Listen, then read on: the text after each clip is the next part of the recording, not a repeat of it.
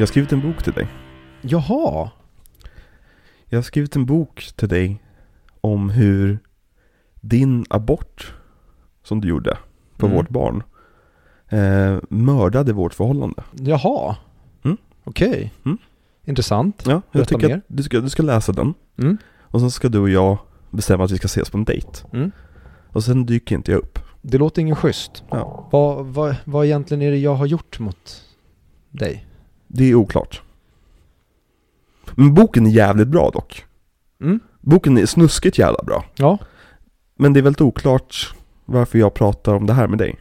Mhm. Ja. Ja, jag förstår. Ja. Men eh, jag ska börja prata om eh, extremt feta kvinnor. Ja, jag tycker vi kan börja där. Mm. Vad tycker du om extremt feta kvinnor? Jag älskar extremt feta kvinnor när de är eh, i slow motion, Ja. När de inte har några kläder och när de är eh, musiksatta, eller om man säger, av vår älskade polack. Jag vill säga att han är polack, jag har ingen aning om han är polack. Mhm. Men eh, Abel Kornejowski, Han måste ju vara polack-ättling och förlåt, Korsenjowski. Ja. Ska kolla här bara vad han är. Ja, han är född i Krakow. Så att eh, han var tok polack. ja.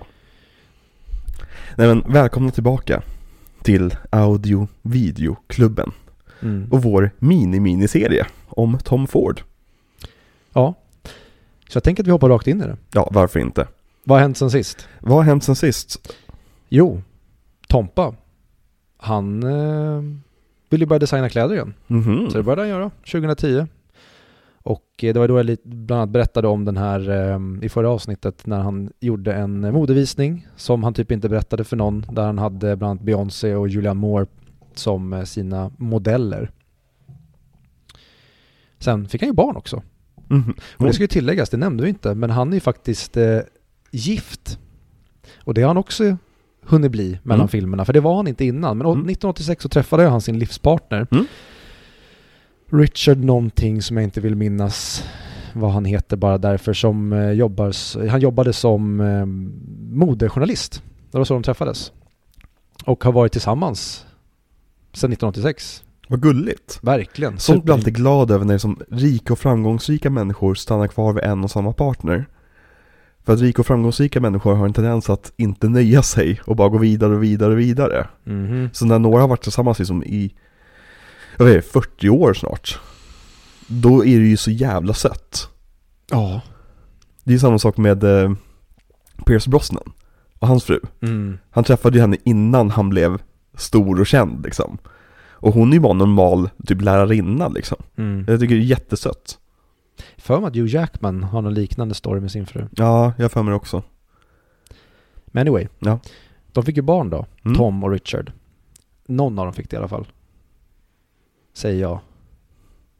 Eller bägge. Har du inte sett en, en underbar jävla jul? Jo. Förlåt. Eh, jag tar tillbaka allt. Jag är så dum. Mm. Och eh, sen då? Blev Tom tipsad om en bok. Mhm. Som Igen? hette Susanne och Tony. Ja. Och eh, det vore ju dumt att eh, göra film om det kände han. Mm. Nej, det tyckte han inte alls. Nej. Han blev väldigt, väldigt fångad av den här. Den är skriven av Austin Wright. Säger mig ingenting. Mm. Men han kände ju att den här filmen vill jag göra. Och det känns ju på förhand som ett riktigt jävla pantat val i och med att typ hela filmen bara utspelar sig, precis som den förra filmen, Mm. i huvudpersonens huvud. Mm. Som egentligen bara tänker tillbaka på saker. Mm.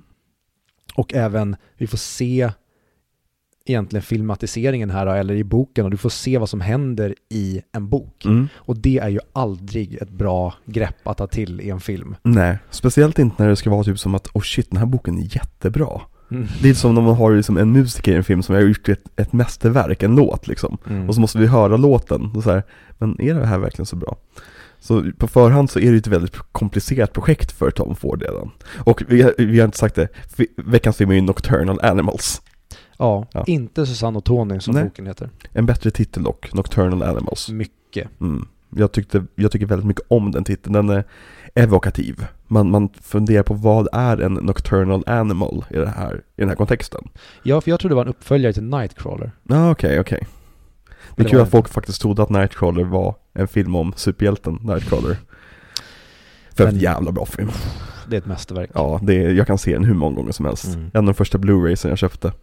Fan vad bra den är. Mm. Åh, alltså Jake Gyllenhaals period här. Ja, Vad håller han på med? det, det, det kommer vi till om man säger så. Mm. Det. Men eh, okej, ja. Mm. Men filmen då? Mm. Handlar kort och gott om, eh, vi får se tre inom citationstecken tidslinjer. Mm. Vi får följa då eh, Susanne, Mhm. som är då en framgångsrik eh, art collector Mm. och hennes liv är tomt. Vilket de berättar väldigt tydligt för oss. Hon känner inte så mycket, även fast hon har allt på pappret. Mm. Men hennes man verkar då vara ganska frånkopplad, Mm. reser mycket och det... Äter folk. Just det. Så att hon kanske good riddance. Mm. Saknar Armie Hammer. Jag, jag gör ju verkligen Ja, det. fan vad han är en underbar skådis. Ja. Han är så jävla intressant jämt. Mm.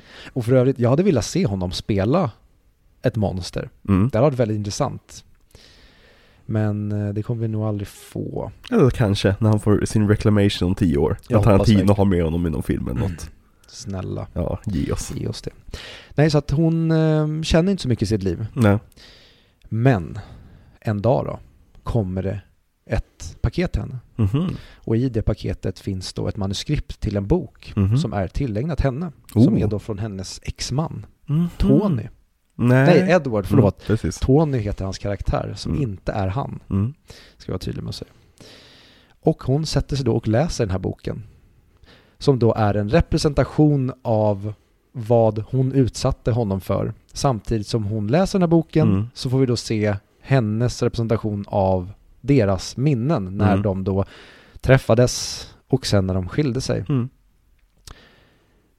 Och det är det. Mm. Det är det filmen handlar om. Var ska vi börja? Vad har vi för relation till den här filmen? Du och jag såg den här va? Ja. Vi såg den samma dag. Okej, min relation till den här filmen. Vi såg den här på Stockholm Filmfestival. Mm. Jag har, som ni lyssnare vet, Vilken film var det vi såg samma dag? jag kommer till det. Aha. Jag har, som ni lyssnare vet, en väldigt komplicerad relation till Amy Adams. Va? Mm. Amy Adams tycker jag är en duktig skådespelerska, men för någon anledning så ser jag rakt igenom henne. Jag ser en person som har suttit i tre timmar i sminktrailern, som sen har suttit och läst manus, och sen levererar de manuslinesen. Och med vissa skådespelare så kan jag bara inte komma över det. Jag, jag ser igenom dem, så att säga. Och med Amy Adams i, ska säga, 80% av hennes roller, för hon är jätteduktig i vissa roller, där jag verkligen känner att hon smälter ihop med filmen. Catch me if you can. Till exempel. Men för det mesta så, så, så är jag bara frustrerad när jag ser på henne. För att jag, det blir så här. Kunde de inte bara valt Jessica Chastain? För hon har jag lite samma problem med, men på ett mer positivt lagt sätt. Du hatar rödhåriga med andra ord. Jag, jag älskar ju rödhåriga, det är ju det som är problemet. Jag tror att vi, ja nej. Hey, you stay off my daughter. Eller jag menar Your syster. daughter? Eh, Komplicerad relation. Ja, vi är Fritzl-källan här eller? Mm. Ja.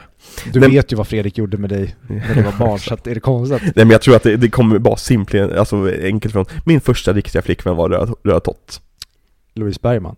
Nej Fan. Köping kallades hon Hette Linda egentligen Ah. eh, Begick självmord några år senare Och sen transcenderades hon över till Linda Hammars kropp. Linda Ham Som fanns i Köping. Ja, jag förstår mm, okej Nej men så här. Jag har svårt för Amy Adams Den första filmen vi skulle se på den här dagen På Stockholm Filmfestival Var Arrival En film där Amy Adams är med i, jag tror varje scen Det borde hon vara. Ja. Jag tyckte väldigt mycket om den filmen, men störde mig på Amy Adams. Och kände att, fuck it, jag, jag vill, ge mig någonting annat nu. Okej, nu ska vi gå och se Tom Fords nya film. Jag vet inte riktigt vem som är Jake Gyllenhaal har jag hört är med, Aaron Taylor Johnson är med, ja men perfekt. Ser posten. Det är Amy Adams på posten. Ja, ja okej, vi, vi går in och sätter oss. Och det här är 2016. Sommaren 2016 kom Pokémon Go. Och jag blev helt fanatisk av Pokémon Go. Som många blev. Som man var ute och liksom jagade Pokémon hela kvällarna liksom. Bättre det än barn som innan. Ja men precis, exakt. Och det, det, ska jag säga, beroendet höll kvar sig ända fram till typ vintern det året för mig. Så när jag satt och skulle gå in på den här visningen, så det enda jag egentligen bara ville göra var att springa ut i Vasaparken och, och fånga Pokémons liksom. Och bara spela Pokémon Go. Så jag var redan rätt otaggad på att se en till film. Men så visade det sig vara en till film där Amy Adams är med i huvudrollen. Så jag sätter mig ner i den här biosalongen och är redan irriterad när filmen börjar. Och så startar vi med det här de dansande nakna kvinnorna. Och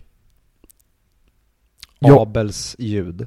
Ja men och, och jag, jag, jag blir bara mer och mer irriterad på det här. Jag börjar tycka att det är lite pretentiöst. Jag börjar tänka så här, men är den här karaktären så intressant? Amy Adams karaktär? Hon känns mest bortskämd och liksom, ska jag sympatisera med henne på något sätt? Men sen börjar sidoplotten som kommer från boken. Med, med Jake Gyllenhaal och Aaron Taylor Johnson. Och jag blir helt knockad över hur fasansfulla de scenerna är. Över stressen man känner i de scenerna. Och hur liksom hur allting känns bara så jävla hopplöst i dem. Och hela den, den storylinen, bara, jag älskade den storylinen. Men så avbryts den hela tiden av att vi ska klippa tillbaka till en skådespelare jag inte tycker om. Där hon bara ska sitta och läsa i boken och typ reagera och typ Åh gud, Tar har vi mina glasögon här. Kolla hur mycket jag skådespelar när jag kollar ut genom fönstret här. Gud. Okej, nu har jag skådespelat färdigt. Tillbaka till plotten. Eh, och jag blir bara så frustrerad på den här filmen. För den har så mycket som jag vill se. Som den sen byter bort ifrån hela jävla tiden. Så när jag går ut i biosalongen så vet jag inte vad jag ska tycka. Jag, jag tyckte om det här för att jag tyckte om det mesta av det. Men jag störde mig hela tiden på filmen. Så den här filmen har haft någon slags liksom infekterat sår i sig sen jag såg den. Över att jag tycker inte om den här filmen. Ändå gav jag den tre och en halv av fem. Liksom när jag kom ut i biosalongen. Och det är min relation till den här filmen. Hmm. Mm. Jag förstår. Vad tyckte du när vi såg den? Jag älskade den. Mm? Alltså, ja. Det, Tom Ford, han gör det igen. Jag tycker inte att den är lika bra som eh, A Single Man. Men den är fan inte långt borta tycker jag. Mm? Och jag, jag kan förstå verkligen det du, ty, eller det du säger om Amy Adams. Hon, är ingen, hon, hon var typ en favorit hos mig, Mm. men hon är inte det längre. Jag börjar känna lite att hon är inte så karismatisk för mig längre som hon var. Jag tyckte hon var jävligt, bara, ja men typ som Jake Gyllenhaal Mm. på hans nivå när hon verkligen breakade med, eller liksom fick sitt, sitt stora break med, ja men typ det här Arrival med Mm. flera. Eh, American Hustle var väl i samma veva Ja, typ. precis. Och eh, jag känner inte lika mycket för henne längre. Men jag tycker att hon är för bra castad för den här rollen. Mm. För jag tycker inte om Susan.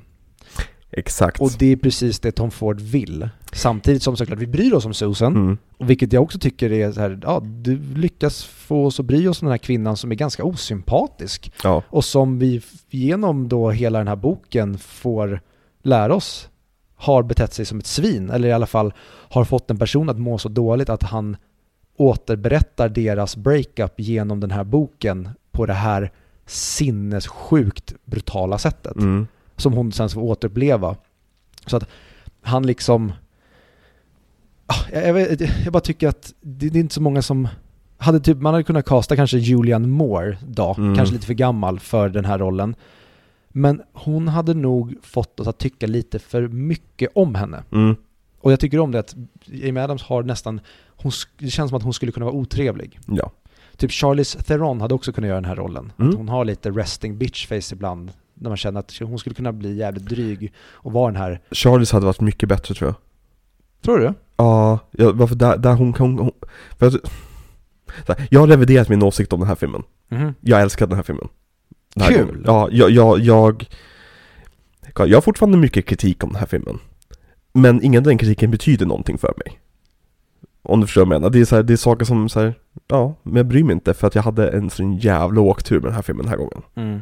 Ehm, men ja, det är, verkligen the Amy Adams of it all för mig. Mhm. Så, som, som saboterar lite grann. Mm. Ehm, men eh, vad, har din bild av den här filmen ändrats sen förra gången du såg den till nu? Eller var det ungefär samma upplevelse du hade?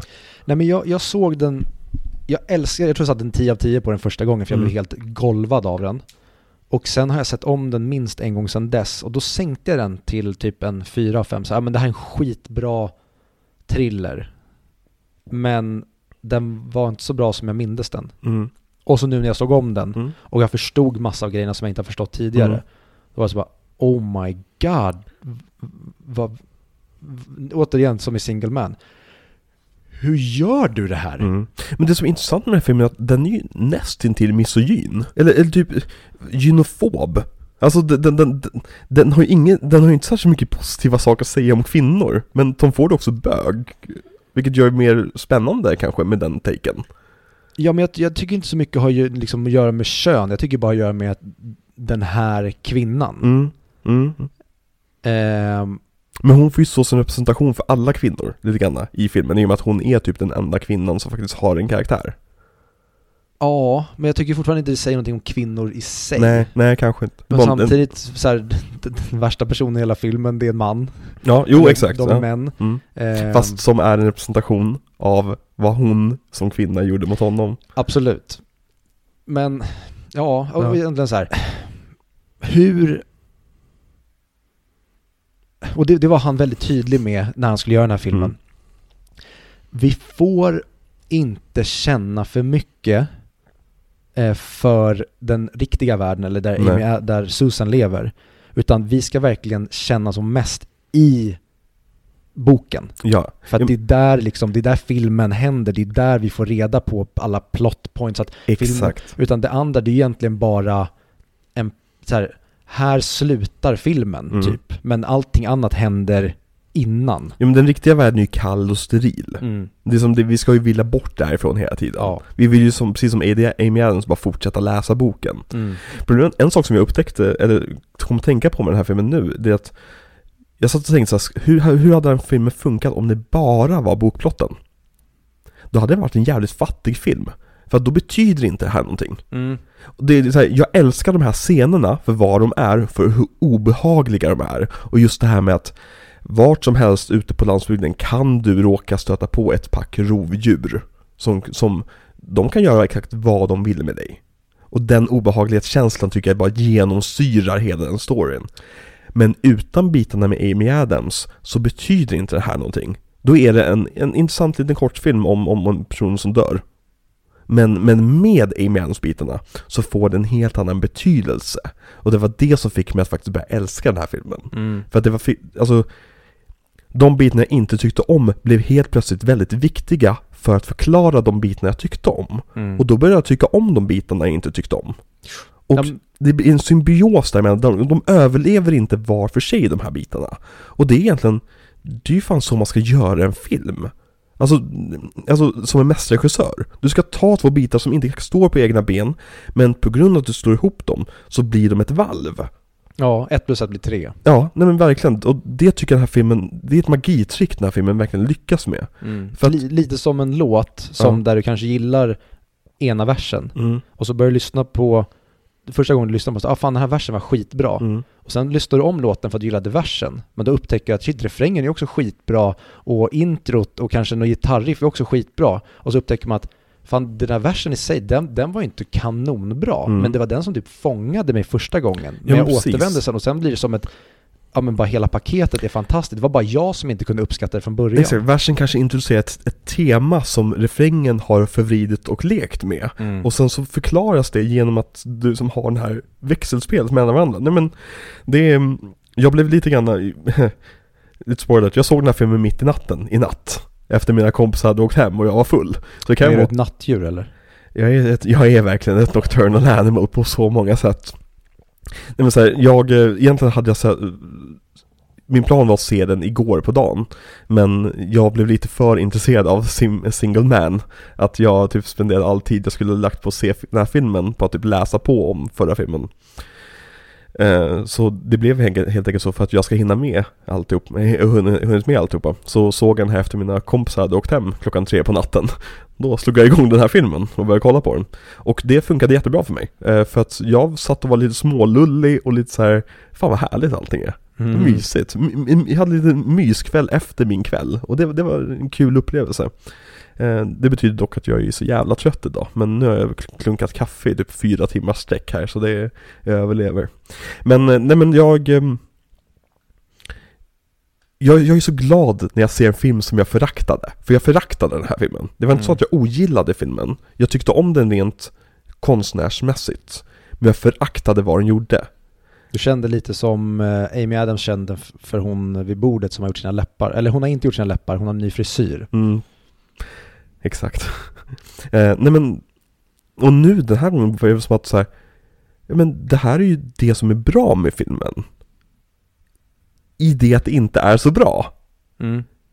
Det är en väldigt komplicerad formel han leker med här. Det är så jävla vågat. Ja, verkligen. Det, Det, är, det är som det han gör med det platt, eller det färglösa fotot i förra filmen. mm, Det gör han med en hel del av filmen i det här. ja, exakt. Det, det, mm, det är otroligt vågat. Det är, och det är nyskapande på ett sätt. Jag, jag vet inte om jag vill kalla det nyskapande, det har gjorts hundra gånger tidigare, men det är, Det känns fräscht. Ja men exakt, det är jättefräscht. Och det, det tyckte jag verkligen om den här gången. Ehm, så ja, det är lite grann vad jag, vad jag tycker om filmen.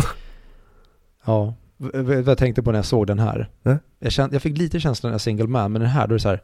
Jag vill se Tom Ford göra en Bond-film. För jävlar vad han kan hantera både ett drama, Mm, men han kan ju göra fantastisk action också. mm, Och inte form då liksom, nu har jag inte sett liksom biljakter på det sättet, men mm, suspensen och bara i på bilvägen. mm.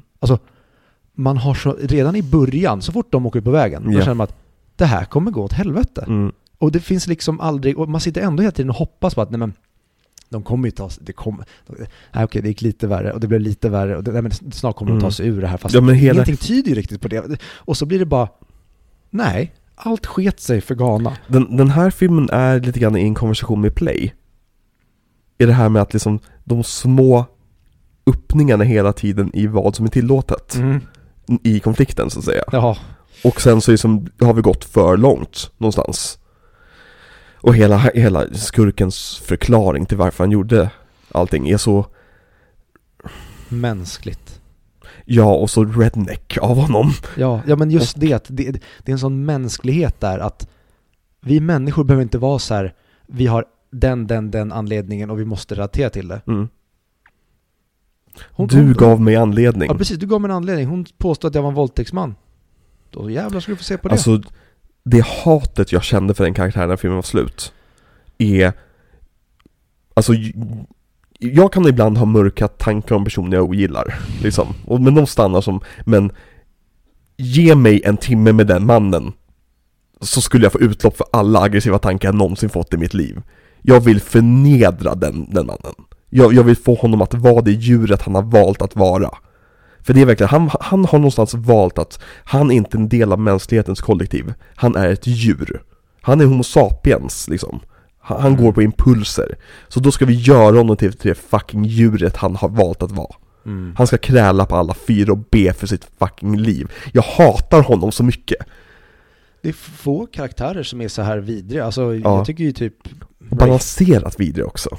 Ja, men Ray Fiennes i uh, Schindler's list är ju sympatisk jämfört med Ja, ja, men han, han vill ju så här, men Han kan man ju käka en middag med. han, han var inte så illa ändå. Ha, då har vi sett Nocturnal Animals? Där, Ja. pratar vi, där pratar vi liksom brott mot mänskligheten. ja men det är ju verkligen det. Eh, Och när polisen åker förbi också. Mm. Och man får i en sekund hopp mm. och sen säger bara Tom Ford Fuck you! Ja, no, nej, no, gud, ja. Ska, ska vi bara gå in på castlistan eller? Ja. Ja. I huvudrollen har vi då Amy Adams eh, som eh, Susan Morrow. Mm. Som, som ändå gör det som du känner för henne. Ja, och det är det, jag vet jag har så mycket konflikt i mig angående Amy Adams prestationer i den här filmen nu. För, Mm. att, för att helt plötsligt fick jag en annan syn på det. Men slutet måste ju vara Mm. så jävla satisfying Jag för vet, dig. jag vet, jag vet. Och det är just det som får mig så här, ja, nej fy fan vad jag tyckte om den här filmen. Fy fan alltså. Nej men jag tycker hon, jag tycker hon är jättebra. För det hon är lämpad till att göra i den här filmen. Tom Ford tycker, tycker samma som dig om Ja men hammare. nästan. Vi måste använda den här hammaren till att använda det som en hammare nu. Ja, nej men men alla alltså, andra vill använda Amy Adams som en jävla vet du, maskinsåg. jag skulle inte säga att det här är Amy Adams bästa roll. Jag skulle säga att det här är bästa användandet av Amy Adams i en roll. Mm. Om du förstår skillnaden mellan de två. Tom, ja men Tom Ford, eh, James Cameronar, han Mm. slår ju liksom ner, han använder henne precis där hon bara ska användas. Mm. Har du någon sån favorit Amy Adams eh, roll? Arrival kanske? Mm, jag vet inte om det är så mycket Amy Adams mer än liksom hela filmen i sig. Uh, gud, hon var ju så jävla på tapeten. Jag glömmer säkert hur mycket filmer som helst av henne. Eh, Sharp Objects? Ja, jo, ja typ. Mm. Jävlar, där är hon riktigt bra. Mm. Det är väl eh, Jean Frans va? Nej, Jean-Marc Vallée, Rip in Peace. Ja, exakt. Mm. Mm. Jag har inte sett den fortfarande. Jävligt bra miniserie. Finns på HBO va? Det tror jag. Fast det vet vi inte. HBO har ju plockat bort saker nu. Det finns på Max. Nej men nej, de, de Westworld, Mm. vars sista säsong sändes i somras, Mm. har de nu plockat bort från HBO Max. Ja, det där får vi prata om någon gång. Ja, det är väldigt komplicerat. Mm. Ja. Nej, men Ehm, vad tycker du om Amy Adams? Du gillar ju Amy Adams. Mm, men som jag sa, jag gillar inte Amy Adams så mycket som jag gjorde. Jag vet inte vad, vad det har tagit vägen. Nej, Men jag blir, det, det kanske har tröttnat lika- lite. Hon gör ju mycket samma sak om och om igen. Ja, vad, vad gör hon idag? Vad var hon med senast? Jag vet inte. Jag Hon är jävligt bra i The Fighter. Om det var ju 2012. Ja, Jag, jag menar inte som, nu bara försökte jag komma Ja. på någon roll där hon är bra. Mm. Ja, Catch Me If You Can också, där hon slog igenom. Ja, ja men där är hon ju, Där spelar hon ju en roll-roll. ja precis, liksom. och där är hon ju bara med en, en, en kort stund. Mm. Hon är liksom inte en av huvudkaraktärerna eh, på samma sätt som hon är i det mesta Nej, idag. The Big- Master. Ja, jo, ja, Mm. just det. Och även eh, Big Guys. Nej, det var en porrfilm. Eh, Big Eyes menar jag. Ja. Med Där, eh, eh, din favoritskådespelare, Christopher Waltz. Mm. Som jag typ skulle vilja se om, för det känns som att jag var alldeles för, eh, jag var för förväntansfull när jag såg den. Mm. Så att jag tror jag, jag tror inte att den kommer vara så bra, men jag tror inte att den kommer vara så usel, som, för jag tyckte verkligen var så, det här är en ett av fem, det här är Mm.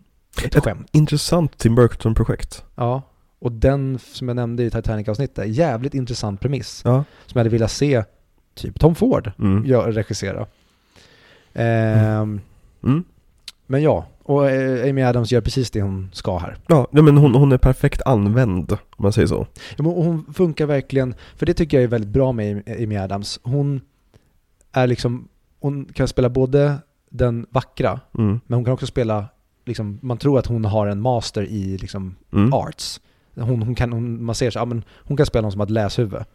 Så jag tycker hon verkligen funkar i den Mm. rollen här. Oh ja, definitivt. Hon, hon känns ju hemma i den här gallerimiljön. Mm. Hon känns ju väldigt pretentiös. Och just det här som jag var inne på att jag kände första gången jag- jag såg filmen. Att varför ska jag tycka synd om den här personen? Och det är exakt den frågan Tom Ford också ställer sig. Mm. Varför han försöker verkligen måla upp henne som bortskämd skitunge egentligen. Ja, och jag tycker det är så jävla intressant att han, vi får liksom följa filmens skurk. Mm. Det är som att vi får se liksom Jokern sitta i sin säng och läsa, så här berättar Batman hur dum du har varit. Ja, precis.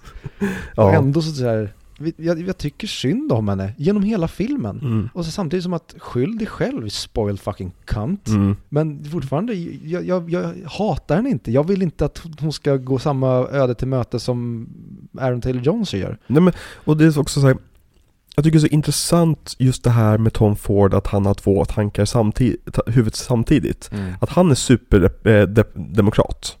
Han är för abort. Ändå vill han göra en film där huvudkonflikten är att huvudkaraktären gjorde en abort mot en annan persons vilja. Mm. Och det är väldigt spännande att det är liksom hans fokus på filmen. Och så jävla intelligent snubbe. Mm. Jo men som vi har nämnt tidigare, vi vill inte se en politisk bias när du gör film. Du ska inte, vara, du ska inte göra film om dina åsikter. Du ska göra intressanta filmer som speglar vissa saker och du får gärna vara saker du inte håller med om. Mm. Och För det blir oftast mer- Ja, roligare. precis, det blir typ då det blir mer intressant när du gör filmer om personer som kanske inte är precis det du vill att alla människor ska vara i världen. Det, Ja, men det stör jag mig så mycket på med den här allting som dyker upp idag med liksom hela PK-grejen med Mm. att det är bara transpersoner som ska spela transmänniskor. Nej men jag vill inte att, som Colin Firth, jag vill att den, bäst, den personen som är bäst på att spela bög, Mm. den ska spela en bög. Jag vill inte Mm. att en bög ska vara en bög bara för att han är homosexuell. Nej. Det, och det känns som att det, det verkligen är på en sån massskala idag i Hollywood där alla bara är så här, det här är mina politiska åsikter, här är du min film där jag berättar vilka Mm. politiska åsikter jag har. Men det är det som är problemet med Booksmart. Ja. Det, det är en film som egentligen är jättecharmig. Och den är välskriven och välregisserad. Men problemet är att alla är så jävla likable i den.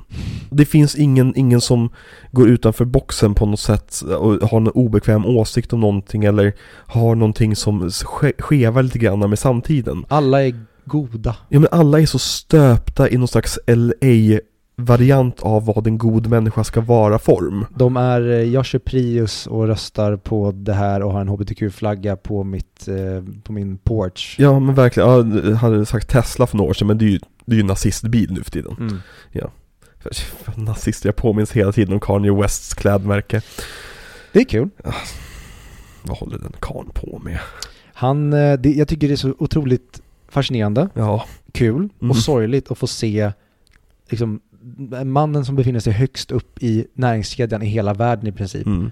får just nu bara gå på en rampage i en bipolär, liksom manisk period Mm. och det finns ingen som kan stoppa honom. Nej. Ingen för att han är högst upp. Han kommer kämpa sig ända ner till botten. Ja, frågan är vad, vad händer när han kanske, sen vet man, men allting tyder på att han är inne liksom, han är manisk bara just nu i sin Ja. bipolaritet. Vad händer när han kommer ur den här fasen? Mm. Eller liksom när no, någon kanske lyckas få, Ja, men han får hjälp. Kanye har ju alltid varit på det här sättet också. Det, det, som, det som, min första relation till Kanye, det var ju efter Katrina. När han stod bredvid Mike Myers på en sån här välgörenhetsgala och de ska samla in pengar och liksom så här Tänk på offren i Katrina, ni ska skänk pengar liksom. Så bara brister han ut helt plötsligt George Bush doesn't care about black people Och, och man ser Mike Myers typ Ja, ja, det, det Men han har alltid kommit undan med sina grejer. De har inte varit på samma, ehm, de har inte kommit lika tätt. Det känns Nej. inte som att han har double downat på saker. Tidigare har han ändå kunnat så här, ja det kanske inte var så bra. Mm. Även fast han inte liksom kanske helhjärtat ber om Ja, ursäkt. som så- hela Taylor Swift-incidenten till exempel. Precis. Och han har alltid kunnat backa upp det med att han är typ bäst på det han gör. Mm. Men han är inte bäst på det han gör längre. Han Nej. gör, alltså hans musik senaste åren har varit så här, vad, vad håller du på med? Mm. Så nu har det liksom hans dåliga sidor eller hans provokativa sidor som kanske inte är så jävla sympatiska, de har börjat spilla över i hans konst också, Ja. vilket gör att ingen vill längre ha någonting med Kanye att göra, för vi tolererade galningen tidigare, eller fascinerades av galningen Mm. på grund av hans konst. Mm, precis. Genialiteten ursäktar galenskapen. Mm. Men nu är han bara galen. Mm. Men det är kul. Jake Gyllenhaal spelar Edward och Tony. Mm. Och vad tycker du om Jake Gyllenhaal, Victor? Ska vi slå på lite porrmusik här så kan du få komma över hela Jake. Jag ska bara knäppa upp mina byxor, Ja. ta ut min eh, lilla japanplupp och så ska jag ta fram pincetten, en sockerbit och skaka vagga. Mm. Jake Gyllenhaal var ju en av mina tonårs-crushes, alltså verkligen så här- den här mannen vill jag vara. Mm. Och jävlar vad det, det liksom kom i rätt tid också när han fick den här han bara, ja men Ryan, lite Ryan Gosling-vågen, nästan han hade samtidigt som Ryan Gosling, där de bara lyckades strike gold hela jävla tiden Ja, det de gjorde. Jake Gyllenhaal har ju haft lite, lite några snedsteg, snedsteg som typ Prince of Persia. Men överlag så är det som han, han inledde sin karriär med Donnie Darko.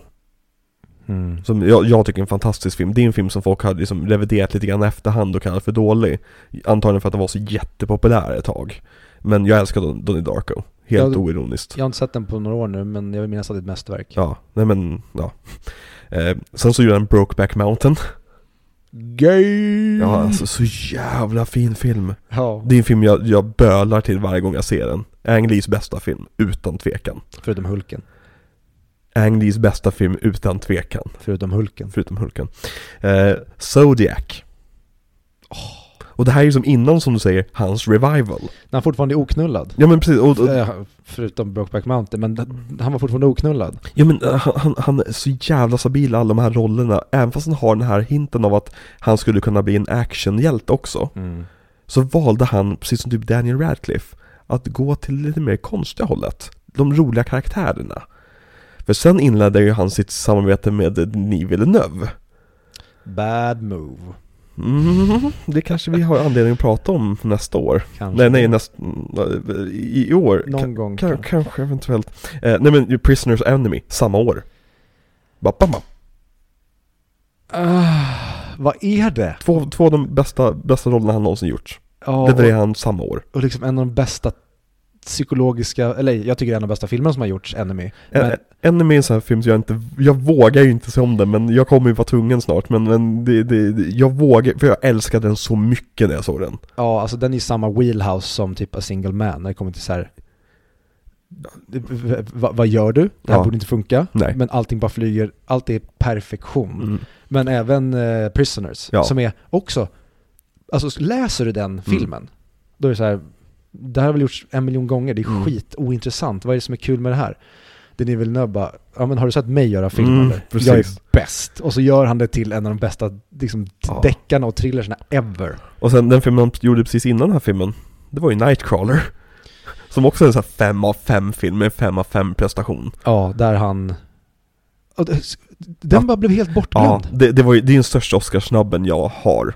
Alltså att Ja. han inte fick ens en nominering Mm. var, det, det är sinnessjukt. Det är jättemärkligt. Ja. Men vad tycker du om Jake Gyllenhaal i den här filmen? Wowie, wowie, wowie, wowie, wowie. Men Den här brutna mannen. Alltså, de här två karaktärerna han gör, Mm. unge Edward och getting fucked in the ass over and over Tony. Ja, mm. Jävlar. Och det är så bra hur vi, vi får, vi får aldrig träffa Tony. Eller förlåt, vi får aldrig träffa Edward. Men det känns som att vi känner honom på djupet. Vi känner honom, liksom allt han har varit med om får vi lära känna genom Tony. Mm. Fast det är inte ens han. Nej, Utan exakt. det är bara Amy Adams som projicerar to eller Edward på Tony. Precis. Och det tycker jag också är ett sånt jävla mm, bara killer movie den här. Det är när de ligger på soffan. Ja. Eh, spoiler alert. Och är rapade döda. Ja, um, Och de vrider upp huvudet. Då är det Amy Adams. Och det är bara så här. Mm, för att de hade lika gärna kunnat sätta in Amy Adams istället för Isla Fisher. ja. Och det är en kul grej som de har kommenterat i intervjuer. Ja. För Amy Adams sa det, hon bara, men jag blev i många år eh, ihopblandad med Isla Fisher. Mm. Folk sa till mig att så här, gud vad jag älskar Wedding Crashers. Ja. Hon bara, jag är inte med i Wedding Crashers. Och Tom Ford bara, jag castar Isla Fisher Ja. som spelar Amy Adams i princip. Precis. Ja, det är väldigt snyggt. Nej men jag tycker Jake Gyllenhaal, han, han, han är lika stabil här som han alltid är. Jag har inte, ända sedan Prince of Persia, så har inte jag sett honom göra en enda dålig roll. Inget falsksteg. Nu har inte jag sett Okia. Oh, eh, folk skulle kunna claima att den Ja. skulle kunna spela falskt och eh, Velvet Basso också. Fast jag älskade väl Bassa. Ja, men där kan folk claima att han är ute och cyklar någonstans. Jag förstår den, kritiken 100% Men det han gör i den filmen är jätteroligt. Fy fan vad den filmen inte var alls det jag trodde att den skulle vara Nej. och den drog ner byxorna på mig för att det tog så lång tid för mig att fatta vad, är, vad, är, vad gör, vad håller den här filmen Ja. på med? Nej. Jaha, okej, det, är den här- det är den här filmen vi ser. Kör? Det är Dan Gilroy va? Inte Tony. Tony är död va? Nej. Det är väl båda Gilroy-bröderna som gör Andor? Det är väl samma regissör som Nightcrawler? Tony. Nej, det är en, de är två bröder. En Ja. av dem har gjort Nightcrawler, Roman Israel och eh. Den andra är ju eh, Rogue One-regissören. Nej, Rogue One gör ju Garrett Edwards eller Ja, Edmonds. fast den är ju regisserad i hemlighet av, av Gilroy. Det är därför han fick rollen att göra Andor. Ja, men Han kom in och räddade projektet från Gareth Edwards, eller Evans, vem av dem det nu var. Ja, men då är det ju... Jag tror det är Tony Gilroy som är den legendariska actionregissören och Dan Gilroy är hans lillebrorsa eller något sånt där. Nu har jag väldigt dåligt track record med att prata om bröder där en av dem Ja, heter men- Dan, men ja. Exakt, ja men exakt. Det är Dan som regisserar både Nightcrawler, Roman och Velvet. Mm. Jag har Mm. fortfarande inte sett Roman Israel. Helt okej. Mm. Ehm, Denzel är svinbra, Mm. men det är en mycket mer... Den är inte alls lika bra som eh, Nightcrawler, även fast den är... Mm. Det är liksom en karaktärsfilm. Jag längtar så mycket efter att se en ny Dan Gilroy-film. Mm. Det, Det är mer och mer som bara sägs till en att gå, gå och sätt dig och se Andor. mm. Ja faktiskt, fast det är ju sagt, det är Tony Gilroy. Men Ja, men han är med också. är ni med också där? Ja. Okej, nice, nice. Ja, för Andor, den, desto, desto mer jag hör av den, desto mer fascinerad blir jag av den. Just att det är som, det är inga lasersvärd, ingen kraften, ingenting sånt där, utan det är bara story som utspelar sig i Star Wars-universumet. Mm. Och den ska vara väldigt lite liksom lilla djungelbokens feeling över hela. Fan att den kommer nu! Ja, Nej, men- liksom jag kräks på Star Wars. ja. ja men det är kanske ett sommarprojekt att ta sig igenom den. Mm. Ehm, sen har vi Army Hammer. Just det, han är med i den här. Som filmens bad guy. Spelar Hutton Modrov. Han är väldigt dashing. Han är ju, alltså han ser ju för jävla bra ut. Man förstår ju att eh, Amy Adams lämnade, hon, eller läm- lämnade Jake Gyllenhaal för honom. För det är inte så många som man skulle lämna Jake Gyllenhaal för. Nej, Men är det någon man lämnar honom för, då är det Army Hammer. Exakt, men alltså han ser ju, han, han ser ju ut som att han är skapt i ett labb. Och sen har de lagt på vax på honom. Ja. För att de måste ju, han ser ut som en Madame Tussauds-docka nästan. Ja. Han ser nästan obehagligt perfekt ut. Mm. Ja men så, lite för perfekt. Mm. Jag, tror att, jag tror att det är en av anledningarna varför det blev så hårt mot honom när hela den här kannibalskandalen uppdagades. Att folk väntat lite grann på att plocka honom.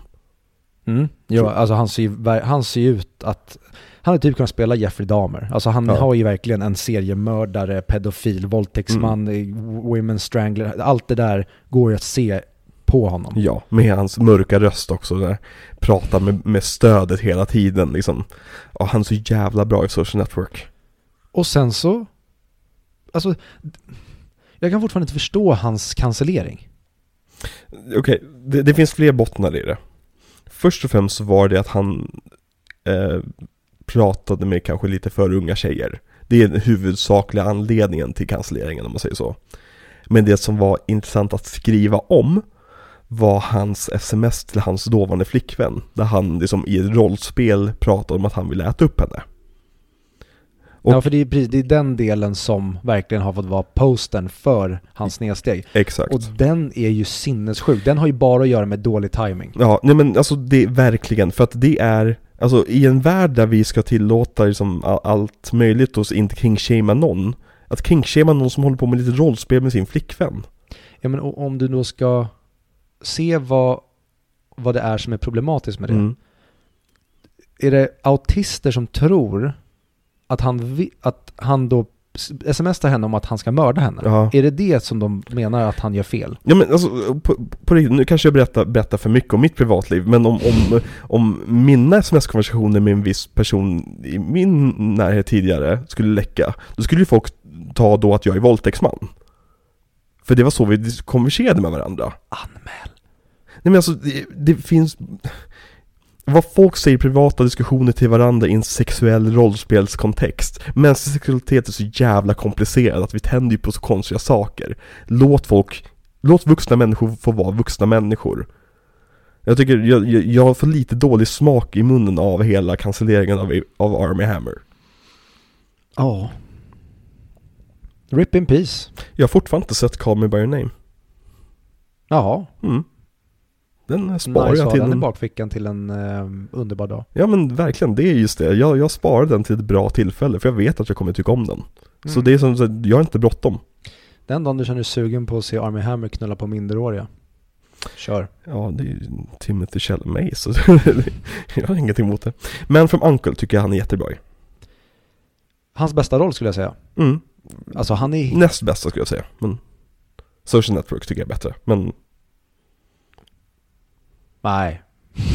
ja, han, han, har, alltså det, han har för kul i Man from Uncle. Mm. Och att han lyckas pull off den här ryska liksom, Mm. stereotypen. Det borde inte flyga, vilket det inte gjorde för mig första gången. Men sen när jag förstod vad det var han höll på med. mm. Och framförallt bara scenen i när de ska klä Alicia Vikander, Ja. välja ut mode och Henry Cavill och Army Hammer står och bråkar om det och förklarar. Det är, ah, Guy Ritchie. Mm. Snälla, ta tillbaka Army Hammer och gör en Man from Uncle 2. Ja, och Henry Cavill, han är ju ledig nu. Ja, Åh, eller tills han inte är det igen. Ja, precis. Ja, fast jag har hört från flera källor i olika tider att Henry Cavill är väldigt knepig att jobba med. Och har en väldigt dude broig gamer personlighet. Är det inte bara att just Hollywood har problem med det, men att som människa, Mm. normie, är det nog jävligt nice. Alltså att han är känd som en människa. Jo men alltså, det, hade jag bara hört det från ett håll så hade jag tänkt att om det är någon som har tolkat honom kanske eh, fel. Eller misstrott honom. Men det har varit liksom under flera olika produktioner har folk liksom sagt att han är inte kul att jobba med.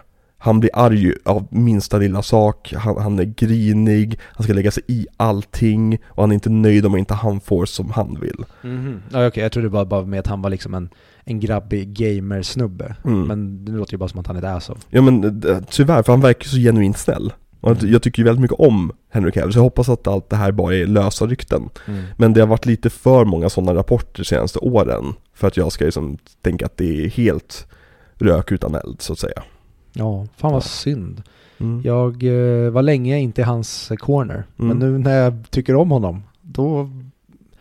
Ja, men, och bara det Warner Brothers och framförallt The Rock gjorde mot honom i höstas är ju oförlåtligt tycker jag. Vad gjorde de?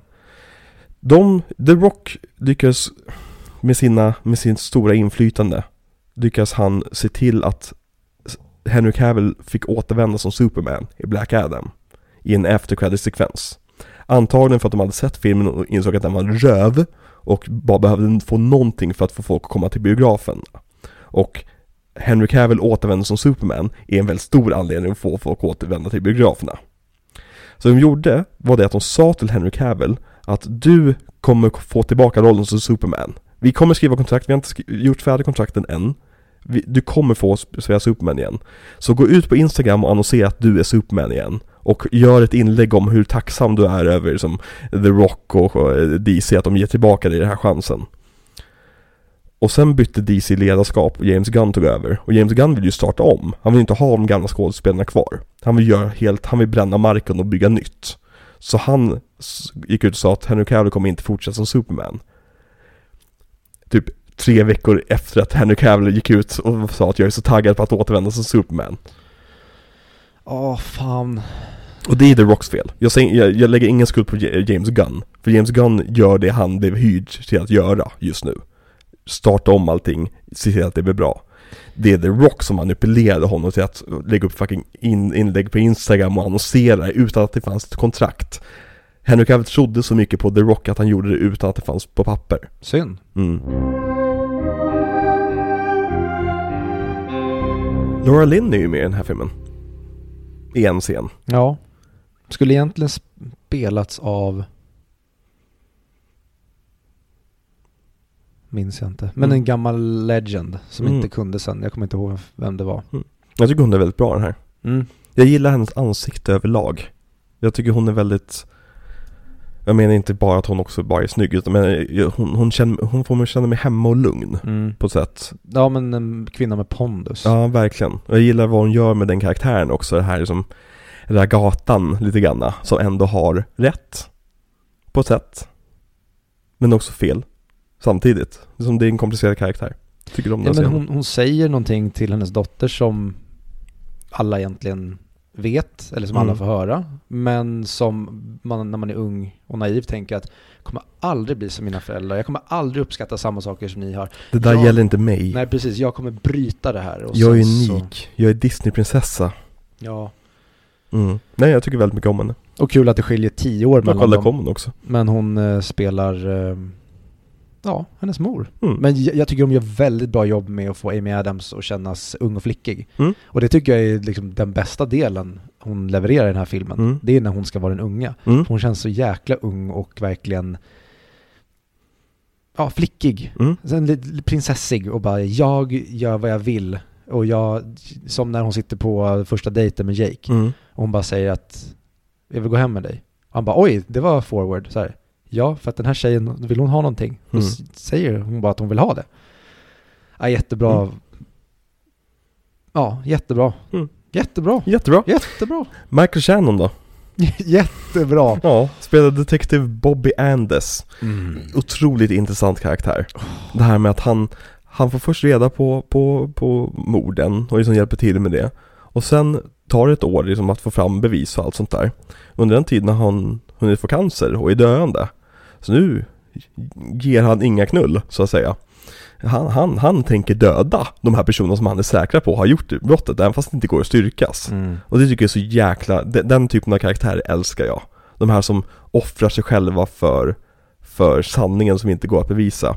Nu säger jag emot mig själv angående min tolkning av, av Glass Onion. För jag tycker att den här har en finare tolkning av det problemet. Hur som helst. Eh, Michael Shannon är briljant, briljant i den här filmen.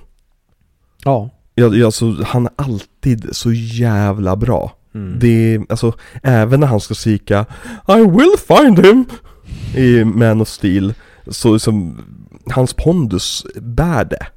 Han är väldigt bra som sådd. Det är Mm. bara att han inte används så bra i filmen. Nej, och det är en- ingen särskilt bra film heller. Tyvärr inte. Nej. Ehm, jag upptäckte ju honom via 8 Mile. Mhm, ja men där. Han spelar Eminems morsas nya pojkvän, Jaha. Greg. Som lyssnar på Lynyrd Skynyrd och då börjar de rappa över den låten eh, Sweet Home Alabama. Men de gör Living Home in a Trailer. Och så börjar de rappa om, hur Greg och han gick i samma skola, de är typ lika gamla. Eh, Men han, han dejtar henne, hans morsa då. eh, Väldigt kul, så sen så, han är så lite grann som David Harbour. Att han var med i jättemånga filmer innan han blev David Harbour Mm. eller Michael Shannon, liksom som ett namn för alla. Och nu kan man se liksom gamla filmer, jaha, dyker han upp här liksom? Eh, gud, vad var hans första film? Den såg vi nyligen. Ehm, Vi nej- som är du. nej, nej, nej, jag, förlåt. Groundhog Day är hans första film. Jaha. Han dyker upp bara som en random karaktär i en, i en scen. Ja, för den som är hans första tunga roll med, det är den här eh, My Son, My Son, What Have You Done? Som Mm. är för mig regisserad av typ Werner Herzog eller någon sån där. Mm. Han har jobbat med Werner Herzog efter det också, så det kan mycket väl vara Werner. Ja. Jag Där Werner. eh, jag för mig att eh, han, han, så han fick rollen. Mm. Det var att han bara kom in på casting sessionen. Bara satte sig på en stol framför Werner om det var Mm. han. Och bara stirrade på honom. Och Werner sa, jag har aldrig blivit så intimidated av en skådis. Mm. Ja, men han, har, han har ju psykblicken. Ja, och på den här inspelningen så var han tydligen Andes från dag ett. Så Mm. han, gick, han satt ju bara och kedjerökte och ingen vågade prata med honom för att Mm. de var så jävla rädda för Bobby Andes. Mm. Vilket är förståeligt. Ja men också att han, han, han, han, hela hans karaktär porträtteras egentligen som en bad guy. Mm. Men han är typ den mest likable karaktären i hela filmen. Mm. Och det är, åter till Tom Ford, Ja. v- vem är du? Men jag tycker han spelar typ samma karaktär som han spelar i Boardwalk Empire. Här. ja, typ. Har du sett färdigt Boardwalk Empire än? Nej, bara Hans en karaktär. halv säsong. Mm, den blir så spännande. Det blir så jävla spännande den karaktären. Den börjar ju som den här liksom F, eh, Fed-agenten. Liksom som är där för att knäcka deras spritbusiness. Och hans karaktär kommer så jävla långt efter det. Alltså det är, ja gud, se färdigt Boardwalk Empire, Victor. En vacker dag. En vacker dag. Nu har vi pratat om både Denis Villeneuve och Boardwalk Empire i avsnittet. Nu känns det Mm. nästan som ett klassiskt avsnitt. Ehm, Runaways tyckte jag väldigt mycket om honom också i. Eh, han spelar eh, deras agent. Eh, Runaways är en film om Joan Jetts första band. Eh, det första tjejrockbandet i världshistorien. Som blev stora. Eh, han spelar deras excentriska agent som till exempel i en scen sitter i en stor fågelbur och pratar om, om framtiden och grejer. Det är, han är jättebra i den rollen. En väldigt udda Michael Shannon-roll. Han är väldigt feminin i den rollen. Mm. Väldigt, vad ska jag säga, flamboyant. Väldigt bögig om man ska använda det ordet liksom. Mm. Eh, det är udda att se för han är alltid den hårdaste, hårda personen som finns liksom. Mm. Han har ju lite av den, det här, han blir lite gäll i rösten och väldigt, vad ska man säga? Ja men, eh, inte queerig, men lite åt det fjolliga hållet i Revolutionary Road när Mm. han får sina fits. Mm. Att han blir så här. Och det, eh, jag skulle vilja se honom göra mer sånt. Men jag vill se Michael Shannon göra vad som helst, för att han är en av de mest intressanta skådespelarna som finns. Ja men han har sånt jävla Frankenstein-ansikte. Mm. Ja, han bo... Någon gång... Han ser verkligen ut som Frankenstein han är sådd. Ja, ja precis med det där håret och alltihop. Mm. Ja. Och sen har vi Aaron Taylor Johnson. Vad tycker du om Aaron Taylor Johnson överlag? Är du taggad på Craven? Jag är taggad på Aaron Taylor Johnson. Mm, jag med. Jag älskar, jag, jag, jag, jag skiter i vart Bond ska ta vägen. Det prat, Ja. vi, prat, vi skulle ju pratat om i, sist i No Time To Die, det och så, kan vi vad, göra. vad tror vi Bond? Är på väg. Vi, är så jävla taggade på att bara avsluta det avsnittet. Ja, precis.